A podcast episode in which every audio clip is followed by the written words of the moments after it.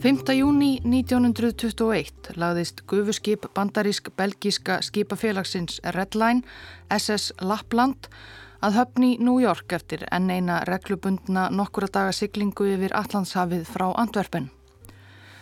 Lappland var skip með merkilega sögu. Nýju árum áður, 1912, hafði það flutt eftirlifandi áhöfn breska farþegarskipsins Titanic heim til Englands frá bandaríkunum eftir að skipið sökk á Allandsafi. En það er önnur saga. Nú var Lappland bara að flytja og breyta farþega yfir hafið. Það tókum 1500 manns í einu yfir leitt. Og þann 5. júni 1921 var stór hluti farþegana eins og alltaf fluttur um leið og þeir stígu frá borði í New York yfir á Ellis-eigu þar sem bandarísk yfirvöld tóku á móti innflytjandum sem streymdu yfir hafið í leitað betra lífi þar vestra. Í innflytjanda skaranum 5. júni 1921 var einn 17 ára drengur. Sankant því sem starfsmæður í móttökustöðunni á Ellis-eigu hripaði niður um piltin hafði ferðalag hans hafist í örlittlum smábæ í Galísíu í Pólandi, Svopnítse, um 50 km suðaustur af Kraká. Hann hétt Elias Gítmann og var eins og svo margir af þeim sem fluttust til bandaríkjana frá Evrópu um þetta leiti geðingur. Hann var með nokkra dollara í vasanum til að hefja nýtt líf í nýja heiminum. Hann hefur eflaust haft eins og svo margir ungir menn sem fóru um Eliseu stóra drauma. Varla hefur hann þó gert sér í huga lund þessi Elias Gítmann 17 ára að tæpri öld síðar myndi sonur hans keppast um valdamesta embætti nýja heimalandsins.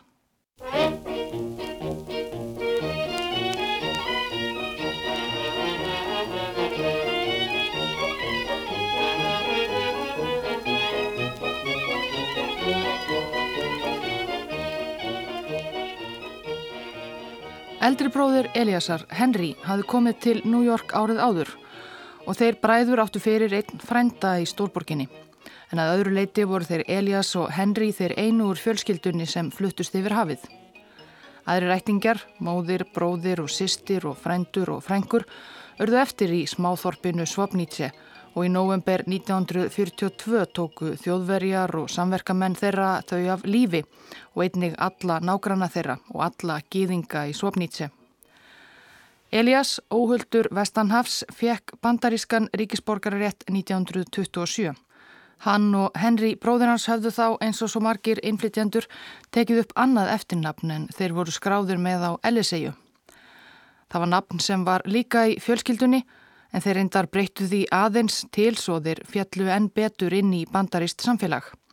Henry og Elias Sanders héttu þeir framvegis. I call myself a democratic socialist. At its core is a deep and abiding faith in the American people to peacefully and democratically enact the transformative change that will create shared prosperity, social equality, and true freedom for all.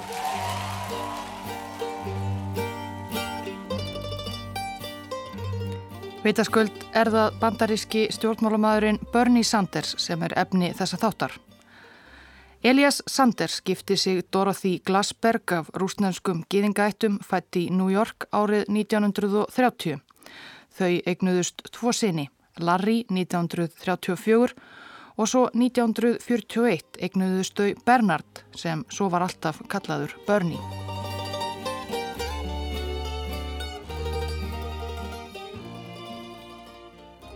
Bræðurnir ólust upp í leigu íbúð í Flatbush í Brooklyn í hverfi með nær engöngu öðrum gýðingum. Fadir þeirra Elias var farandsölumadur, seldi málingum. Viðskiptinn gengu misjablega, fjölskyldan hafði alltaf að býta og brenna en flest annað var munaður og Berni hefur sagt að foreldrar hans hafi rifist um hver einustu auka útgjöld.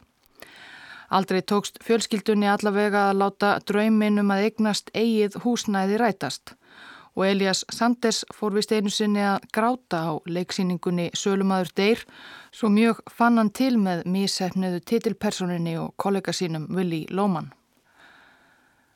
Allt þetta kendi Bernie skrifaði hann síðar hversu mjög efnahagslegt óryggi getur haft áhrif á lífmanns.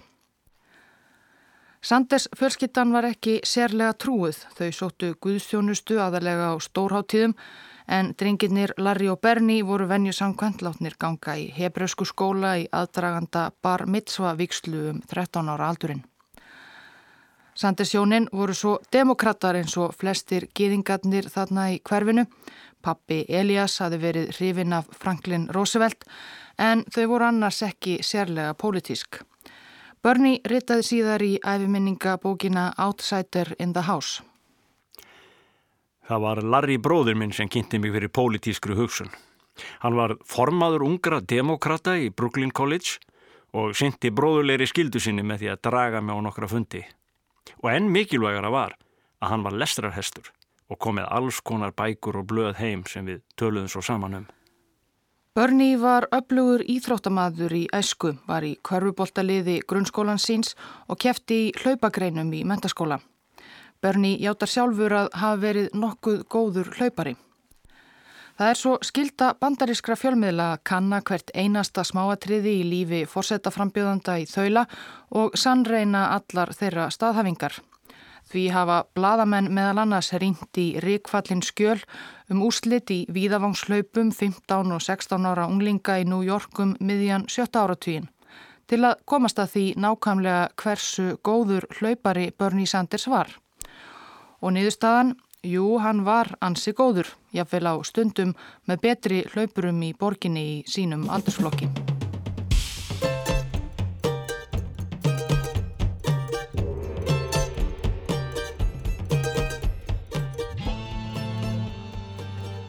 Laupaferill Bernie Sanders var þó ekki langur. Eftir mentaskóla eldi hann Larry bróður sinn í Brooklyn háskóla 1959 en var þar aðeins eitt ár áður en hann ferði sig um sett og fór í háskólan í Chicago þar sem hann skráði sig í stjórnmálafræði. En hann hafði fremur lítinn áhuga á náminu, það viðurkennir hann sjálfur, í besta falli miðlungs námsmaður, en fróðlegsfús þó.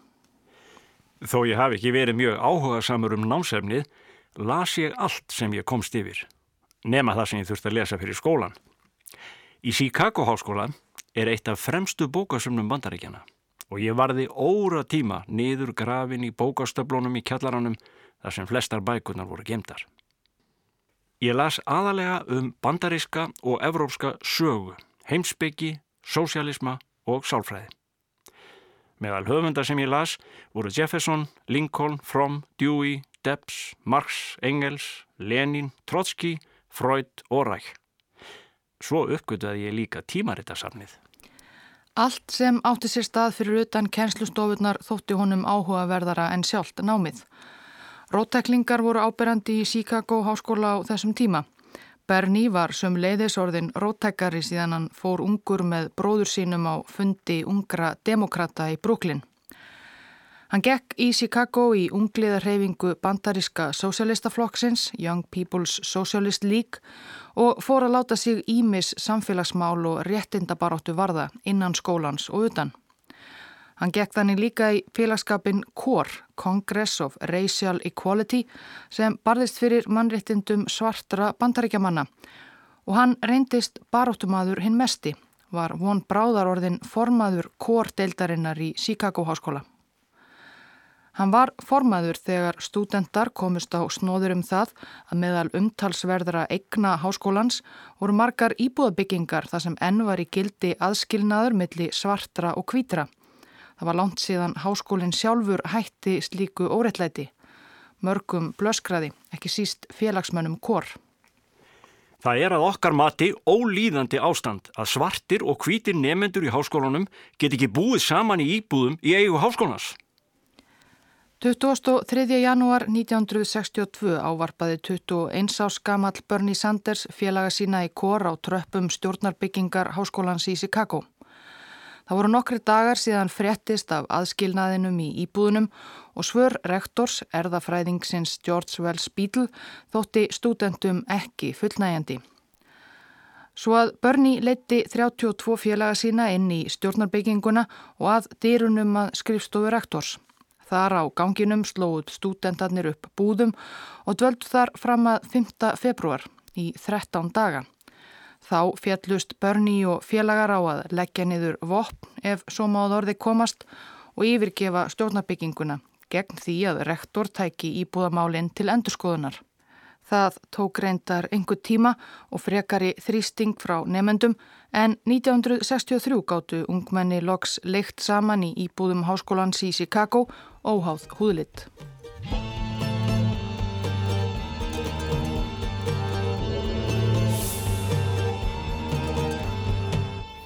Ef þú hefði sagt mér að hann myndi eitt daginn bjóða sig fram til forsetta, hefði ég sagt, já, einmitt. Skólafélagi Börnís og þáttakandi í mótmælasetunni fyrir utan skrifstofu rektors myndist hans löngu síðar. Hann var fýtgaur, góður geðingastrákur frá Brooklyn, en hann var ekkit sérstaklega karismatískur. Einn af styrklingum hans var að geta unnið með stórum hópi fólks, líka þeim sem hann var ekki sammála.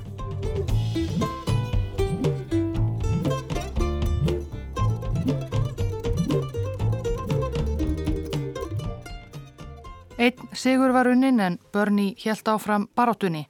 Sumarið 1963 tók hann þátt í mótmælum gegn aðskilnaði í ríkiskólum Chicago borgar og þegar hann bauð sig fram til Forsetta 2016 grófu einhverjur upp ljósmyndir og myndskeið frá einum slíkum mótmælafundi. Þar sem sjáum á lauruglumenn handtaka Bernie hinn unga og bera hann burt. Honum var svo gert að borga 25 dollara sekt fyrir að sína mótróa við handtöku.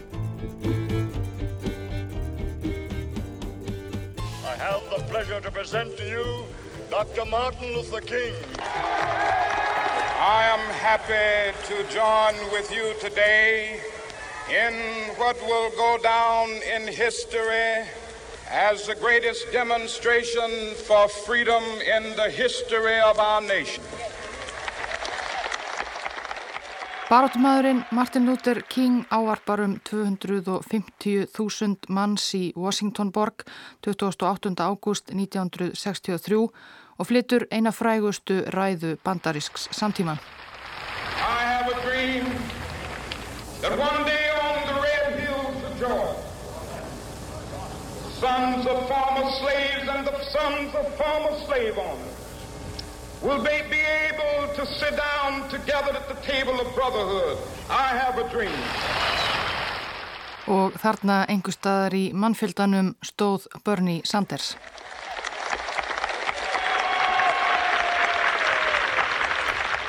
Háskólaneminn Bernie let sig fleiri málefni varða en bara réttindi svartra. Hann tók þátt í verkalýðstarfi og baráttu svo í friðarhreyfingum og barðist gegn þáttöku bandaríkjamanna í Vietnamstríðinu. Sjálfur sótti hann um að sleppa við herþjónustu samviskunar vegna en því var loks hafnað. Samvisku afsökunin var aðalega fyrir þá sem trúarsinnar vegna álitu sig ekki geta tekið þátt í stríði. En þegar það láloks ljóst fyrir taldist Berni vera orðin of gamall fyrir herskildu og hann slapp því samt. En miða við þessar annirallar er kannski skiljanlegt að hann hefði ekki synd náminu af neinum eldmóði.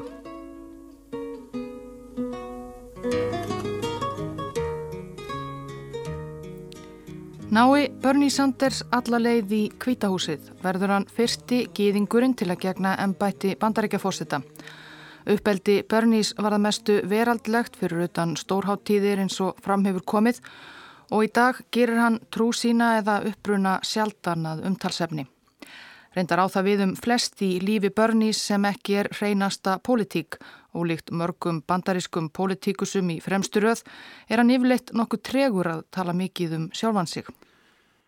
Börni er ekki það sem maður myndi kalla reglufastur en sjálfsmyndans sem gýðingur er sterk.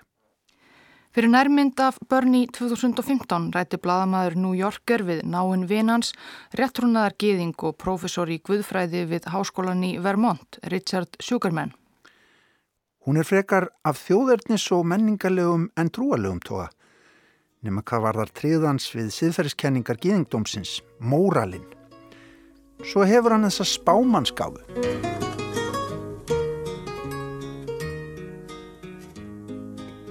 Sumarið 1963 lögðu Bernie og kærasta hans úr háskólanum Deborah Silling landundir fót og fóru til Ísraels þar sem þau gerðust sjálfbúðaliðar á Kibbutz, Samirkjubúi í norðanverðu landinu.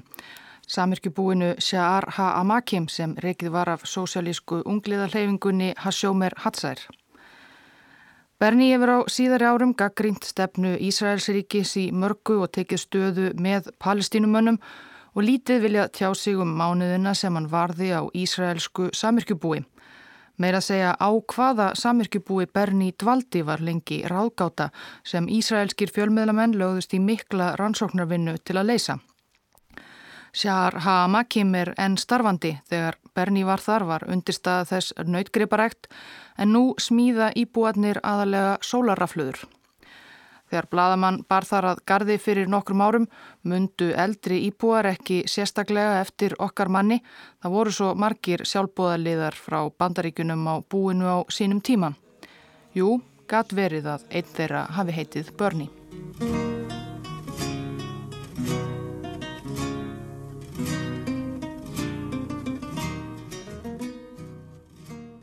Vorið 1964 útskrifaðist Bernie Sanders úr háskólanum í Chicago með bíagráðu í stjórnmálafræði.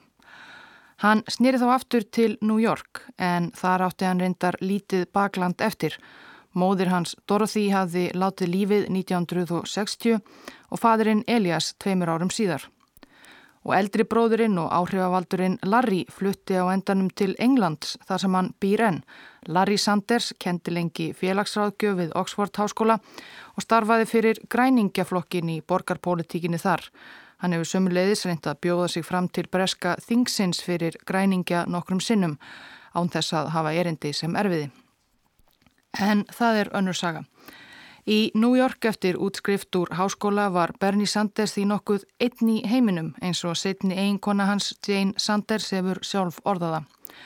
Hann gerði ímislegt, vann á geðsjúkrahúsi og sem leikskólakennari og trésmiður án þess þó að kunna mikið fyrir sér í trésmiði að sögn. Hann giftist Deboru, kærustunni sem hafi farið með honum til Ísraels en hjónaband þeirra varð ekki langlýft. Þau skildu eftir 18 mánuði 1966. Þá var nýrkabli að hefjast í lífi Bernie Sanders.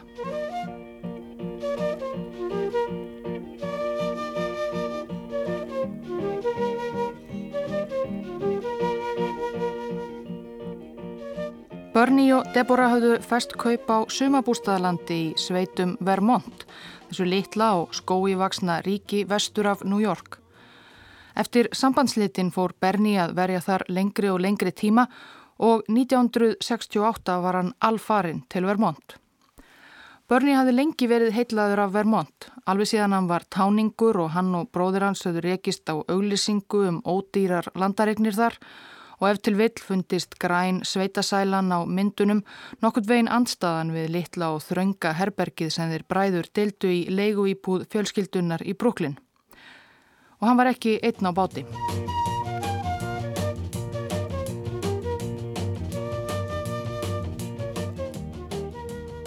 Undir lok sjönda áratögarins var stöðugur ströymur af ungu fólki til Vermont ungu og rótæku hugsunumfólki, hippum og öðrum sem vildu segja skilið við borgarlífið og tengjast náttúrunni á ný.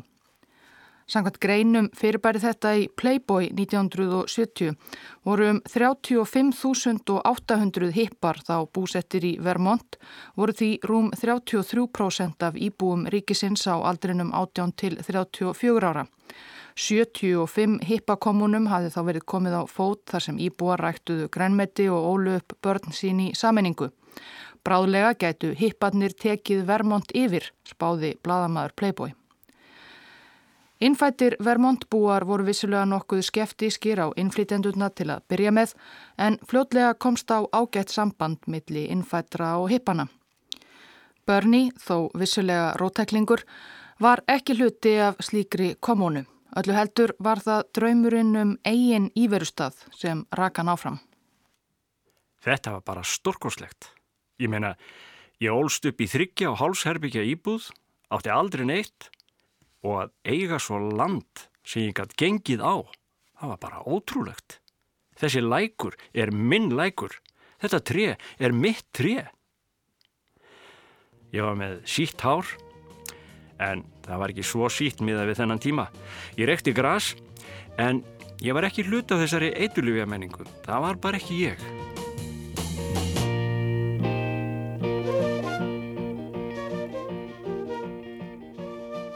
Fyrstu sumrin sem þau vörðu í sveitinni byggu Bernie og Deborah á landareign sinni í afskektum hluta norðaustur Vermont í gömlum sírópsgerðarskúr sem þau breyttu í vistarverur án ramagns og rennandi vatns. Eftir að sambandi hans og Deborah lauk 1966 kefti Bernie fastegn í smáþorpinu Stannard, einnig í norðaustur hluta Vermont, þar sem byggu samkvæmt manntali ásins 1970 88 manns. 1969 eignaðist Bernie sitt eina líffræðilega barn, sonin Levi Sanders sem hann á með konu sem hann kynntist í Vermont, Susan Campbell Mott. Þau Bernie giftust aldrei en byggu saman í Stannard fyrstu tvö árin í lífi Levis litla.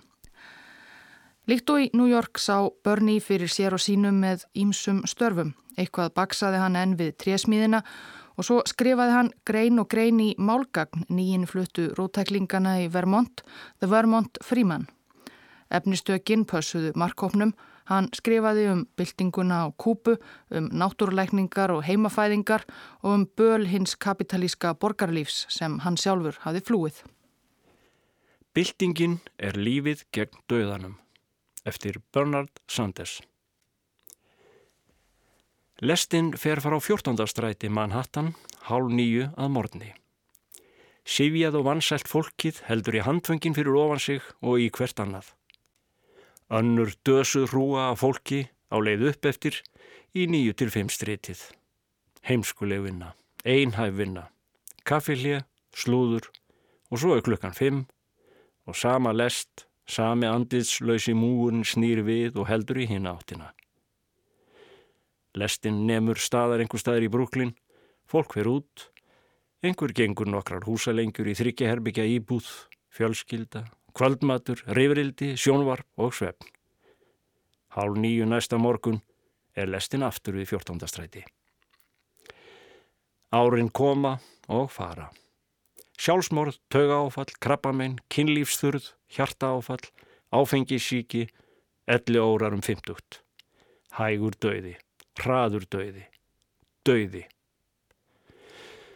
Og sumir veltaði alvöru fyrir sér hvers vegna unga fólki gerur uppreist, hvers vegna það er bilding að eiga sér stað. Greinar hins unga börnis í Vermont Fríman hafa einhverjar verið grafnar upp á síðustu árum í takt við stjórnmálaframhans. Ekki allt stennst þar sérstaklega vel tímans tönn til að mynda förðuleg greinum samskipti kynjanna og kynhegðun Karla og Kvenna sem fjölmiðlar byrtu í kostningabaráttunni 2016 og vakti káttínu meðal andstæðinga börnís. Sjálfur hefur hann sagt absúrt að vitna í 40-50 ára gömul skrif eins og þau skipti máli í dag.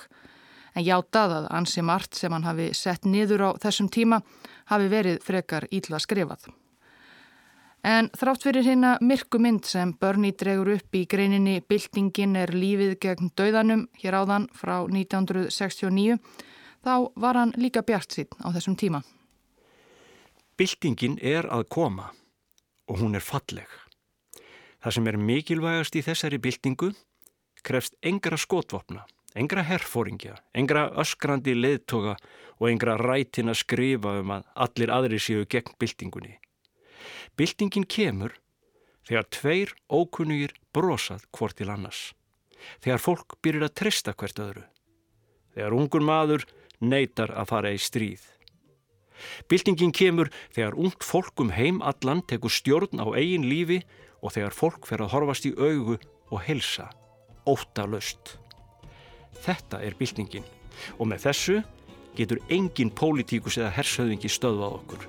Við munum sigra.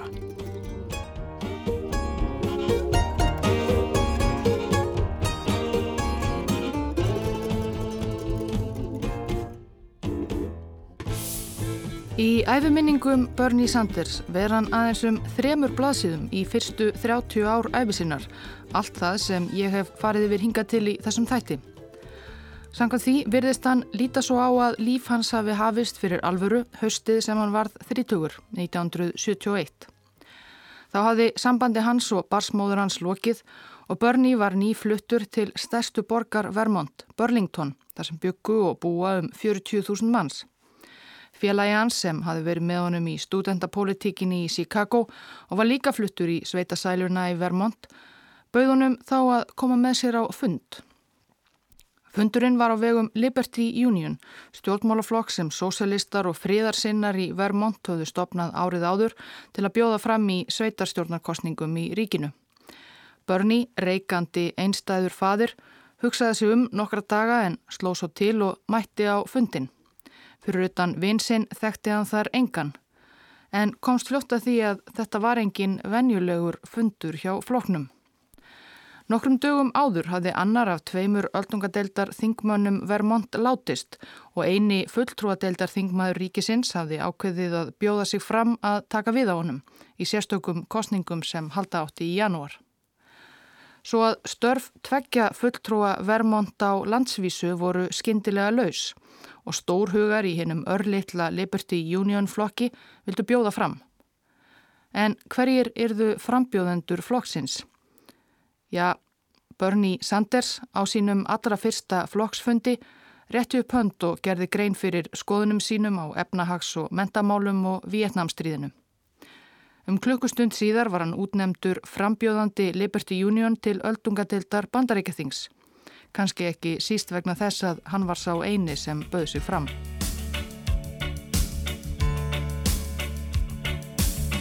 As I went walking that ribbon of highway, I saw above me that endless skyway. Bernie Sanders steig þannig sín fyrstu skref á braut hefbundina stjórnmála, ekki beint að ráðast á gardin þar sem hann er lægstur, að bjóða sig beint fram til öldungadeildarinnar. Skrefin voru ekki sérlega styrk en það var margt nýtt fyrir unga frambjóðandan. Til dæmis fyrsta útvarsviðtalið á staðarstöði í Burlington þegar hann var svo tauga á styrkur að hnjena honum skulfu óstjórnlega og slóust í bortplötuna svo að það drundi í útsendingunni. Þrátt fyrir þetta óheillavænlega upphaf hafði ég mjög gaman af reynsluna að bjóða mig fram.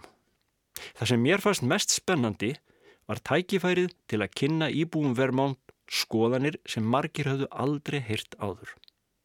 Aftur og aftur þetta haustið lagði ég áherslu á anstöðum mína við Vietnamstríðið og talaði um trú mína á efnahagslegt líðræði og félagslegt réttlæti.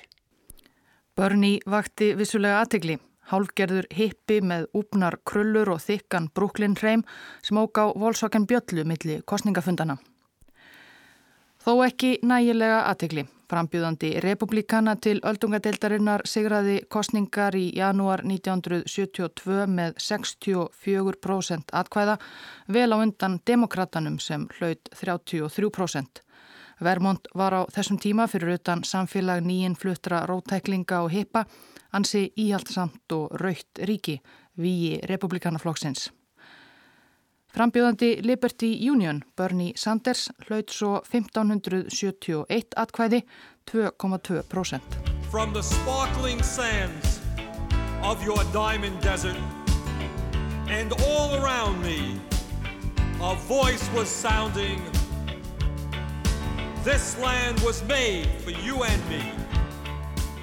En Bernie Sanders var ekki af baki dottin. Næstu árin gerði Bernie fátt annað en að bjóða sig fram til hárra ennbætta í nafni Liberty Union. Hann bauði sig strax sama ár fram til ríkistjóra í Vermont. Þá fekk hann 1,1% atkvæða. 1974 bauði hann sig aftur fram til öldungadeildarinnar og hlaut þá 4%, tvöfalt meira en síðast og 1976 bauðan sig enn fram í ríkistjórakostningum og náði þá sínum besta árangri 11.000 atkvæðum 6%.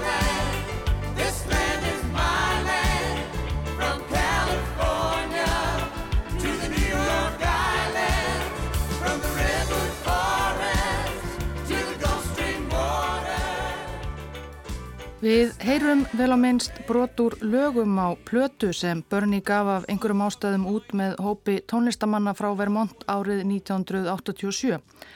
Þar tekur hann nokkur lög eftir Woody Guthrie og fleiri bandaríska baráttusöngva en reyndar virðist Bernie ekki vera mikill söngvari, allavega lætur hann sér næja að lesa tekstana svona upp. Where have all the soldiers gone? Long time passing. Where have all the soldiers gone? Long time ago. Where have all the soldiers gone? Eftir ríkistjórakostningarnar 1976 sagði Bernie skilið við Liberty Union. Þetta var komið gott. Hann fór út á vinnumarkaðin. Aðarlega þá bjóðan til stuttar heimildamindir um sögu Nýja Englands sem hann seldi síðan skólum og bókasöfnum. It is very probable, especially if you are a young person, that you have never heard of Eugene Victor Debs. If you are the average American who watches television 40 hours a week, you have probably heard of such important people as Kojak and Wonder Woman. Strangely enough, however, nobody has told you about Gene Debs, one of the most important Americans of the 20th century. Why? Verkið sem hann var stoltastur af, heimildamyndum mann sem Bernie hefur kallað hetjuna sína Eugene Debs. Hann var forgólfur bandarískra sósjalista í upphafi 20. aldar og bauð sig meðal annars fimm sinnum fram til fórsetta án árangurs.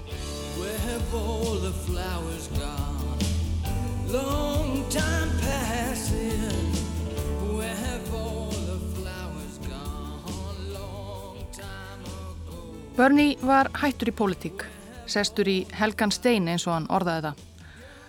En kom þá til sögunar vinur hans, sá sem við heyrðum ræða trúar og lífskoðanir Bernies hér fyrir í þættinum, Richard Sugarman, guðfræðiprofessor við Vermont Háskóla. Hann fekk þá flugu í höfuði síðla árs 1980 að Bernie ætti að gefa kost á sér í borgarstjórakostningum sem halda átti næsta vor í Burlington. Borginni hafði þá verið stjórnað í áratug af sama manninum, demokratanum Gordon Paquette. Sjúkarmann síndi Bernie fram á að í fyrirkostningum sem hann hafði bóðið sér fram í hafði hann alltaf verið með áberandi mest fylgi í Burlington. Því ætti hann raunverulegan séns núna að ná kjöri. Eftir nokkura dag umhugsun hendi Bernie steininum helga frá sér og sló til.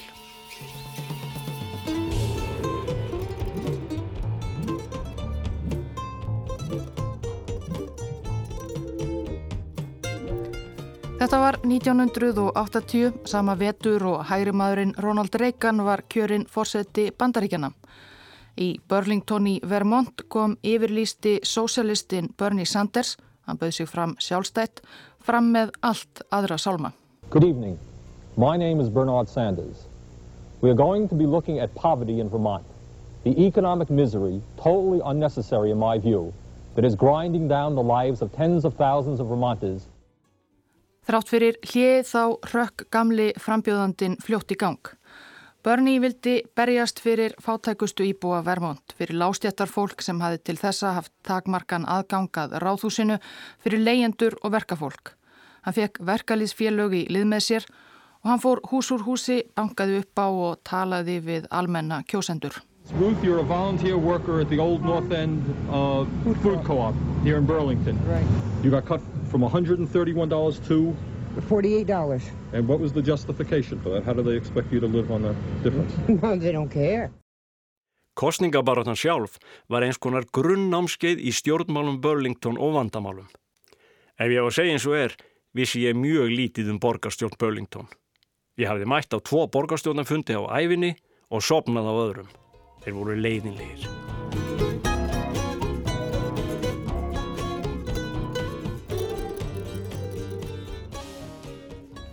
Demokratin Gordon Paquette, borgarstjóri til áratugar, tók frambóð börni ekki sérlega alvarlega. Hann hafði jú ekkert gert á ferlinum nema tapa kostningum. Þeir voru bara tveir í frambóði. Republikunum hafði ekki þótt ástæða til að koma með mótframbóð, svo ánæðir voru þeir með trösta stjórn Paquettes. Paquette þótti ekki til að mynda ástæða til að mæta börni í kappræðum fyrir ná loka metrum kostningabaratunar. Þá hafði færst talsverð alvara í baráttu börnís, meðal annars þegar stjættarfélag lauruglumanna lísti yfir stuðningi við frambóðans, sósjalistans og hernaðaranstæðingsins. Kjördagur rannlóks upp 3. mars 1981. Dægin áður hafði dagblaði Burlington spáð pakett sigri með 20% atkvæða forskoti á börni. En þegar farið var að telja upp úr kjörkosunum að kvöldi kom annað á dægin. Í lástjættarkverfum borgarinnar varð börni ofan á. En úslitin reyðust þó ekki fyrir ná allra síðustu stundu. Loka niðurstöður, Gordon Paquette, sitjandi borgarstjóri, hlaut 4.320 atkvæði. Bernie Sanders, sjálfstæður frambjöðandi, hlaut 4.330. Með minsta mögulega mun, tíu atkvæðum, var Bernie Sanders kjörinn borgarstjóri Burlington. Face it, you don't find too many socialists in elective office in this country, and one is elected mayor of a sizable city, well, that's news. Sósialisti, borgarstjóri bandarískrar borgar. Það er frétt eins og kynir Today Show á NBC orðaði það.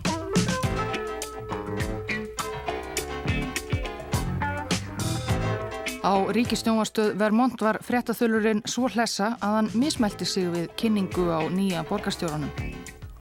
Many people in Burlington are still in a state of shock following that city's most stunning political upset in memory last month. Tonight, Our Vermont Report guest is Burlington Mayor Gordon. Uh, uh,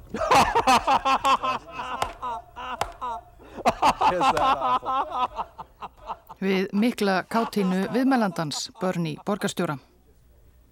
Save that tape! Save the tape! That's right, save the tape. Næstu þrennar borgarstjórnar kostningar í Burlington 1983, 85 og 87 sigraði Bernie nokkuð öruglega. Líkt og forveri hans endaði hann á því að sitja á borgarstjórastóli í næri áratug.